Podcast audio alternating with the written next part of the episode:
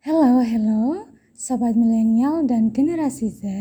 Welcome to our podcast. Yeay. Gimana nih kabarnya? Semoga tetap sehat dan bahagia selalu ya di masa pandemi seperti ini kalian semua. Oke, di podcast kali ini kita akan membahas tentang wawasan Nusantara sebagai geopolitik Indonesia, ketahanan nasional sebagai geostrategi Indonesia di ranah globalisasi. Eits, bentar. Kita perkenalan terlebih dahulu ya. Halo, kami dari kelompok 7 dari kelas Kewarganegaraan D38 mata kuliah PDB Universitas Airlangga. Nah, anggotanya siapa aja nih? Oke, kenalin aku Rantina Vitasari. Aku Brian Arvanda. Dan aku Arman Sayudiana. Setelah sesi perkenalan selesai, enaknya kita opening dulu nih. Ceng ceng. Wahai sobat milenial dan generasi Z, Kira-kira apa yang kalian ketahui tentang wawasan Nusantara dan ketahanan nasional? Hah? Apa itu? Materi buat menghadapi ancaman perang, dah? Stop, stop. Jawabannya kurang tepat nih. Hmm, jadi, wawasan Nusantara adalah cara pandang bangsa Indonesia mengenai diri dan tanah airnya sebagai negara kepulauan dengan semua aspek kehidupan yang beragam. Nah, aspeknya meliputi aspek politik, ekonomi, sosial budaya, dan pertahanan keamanan. Sedangkan pengertian ketahanan nasional adalah keuletan dan daya tahan suatu bangsa yang mengandung kemampuan mengembangkan kekuatan nasional yang ditunjukkan untuk menghadapi segala ancaman yang membahayakan kelangsungan hidup negara dan bangsa Indonesia. Oh gitu. Wah, jadi setelah penjelasan tadi dapat disimpulkan wawasan Nusantara dan ketahanan nasional saling berkaitan ya.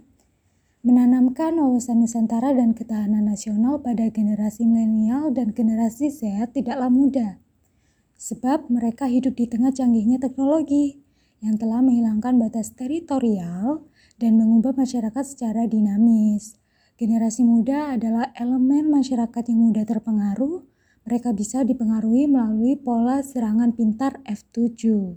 Wait, wait, wait, wait, wait, bentar. Apa itu F7? Balapan? Bah film Fast and Furious nih. Woi woi bentar napa, ini belum kelar ngomong.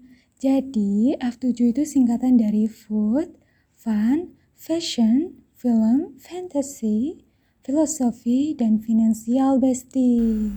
Hmm, setelah kupas mengupas pengertian wawasan Nusantara dan ketahanan nasional, kita bisa berkaca pada kasus polemik Indonesia dan Cina tentang sengketa ZEE di Laut Natuna Utara.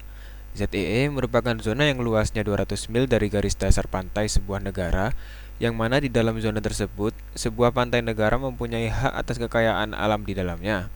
Negara juga berhak menggunakan kebijakan hukumnya, kebebasan bernavigasi, terbang di atasnya, ataupun melakukan penanaman kabel dan pipa. Konsep dari ZEE muncul dari kebutuhan yang mendesak. Dari ZEE muncul Konvensi Perserikatan Bangsa-Bangsa tentang Hukum Laut atau United Nations Convention on the Law of the Sea atau bisa disingkat UNCLOS. Dalam penggunaan bahasa Indonesia, biasa disebut Konvensi Hukum Laut Internasional atau Hukum Perjanjian Laut. Sementara itu, Pengadilan Arbitrase Tetap Internasional atau kalau di bahasa Inggris itu Permanent Court of Arbitration yang juga bisa disingkat PCA. Pengadilan Arbitrase Tetap Internasional yang berada di bawah naungan PBB pernah mengutus Cina melanggar kedaulatan Filipina di Laut Cina Selatan. Nah, benar kata Arman, sehingga hal tersebut otomatis membuat klaim Cina atas zona ekonomi eksklusif atau ZEE Natuna Indonesia juga tidak sah. Namun, Cina tidak mengakui klaim Indonesia atas ZEE Natuna Utara karena zona itu berada di dalam Nine Dash Line atau sembilan garis putus dan pulau yang dipegang teguh Cina. Perairan sejenis ZEE itu disebut oleh Cina sebagai Traditional Fishing Grounds. Konsep teritori penangkapan ikan tradisional yang dipakai Cina itu berbeda di zaman sekarang, terutama sebagaimana diatur dalam United Nations Convention on the Law of the Sea atau UNCLOS. Hal yang paling mungkin terjadi adalah adu kuat bertahan, seperti yang terjadi sekarang ini, Badan Keamanan Laut atau Bakamla bersama TNI Angkatan Laut dan Guard China dalam posisi sama-sama tidak menyerang. Kedua pihak memilih bertahan di perairan Natuna Utara. Bagi negara yang menyerang duluan, maka akan dinilai sebagai pelanggar hukum. Hal ini sempat terjadi pada saat Coast Guard Vietnam bertemu KRI TNI Angkatan Laut dan menabrakkan kapalnya ke KRI beberapa bulan lalu. Jadi, dalam pandangan aku, upaya Indonesia untuk menjaga wilayah perbatasan membutuhkan keterpaduan kebijakan antara semua instrumen. Di antaranya yang pertama adalah manajemen perbatasan, yaitu manajemen perbatasan dengan meningkatkan aktivitas ekonomi secara langsung di wilayah perbatasan Indonesia. Dengan begitu, akan semakin menguatkan posisi Indonesia dalam mengklaim daerah tersebut.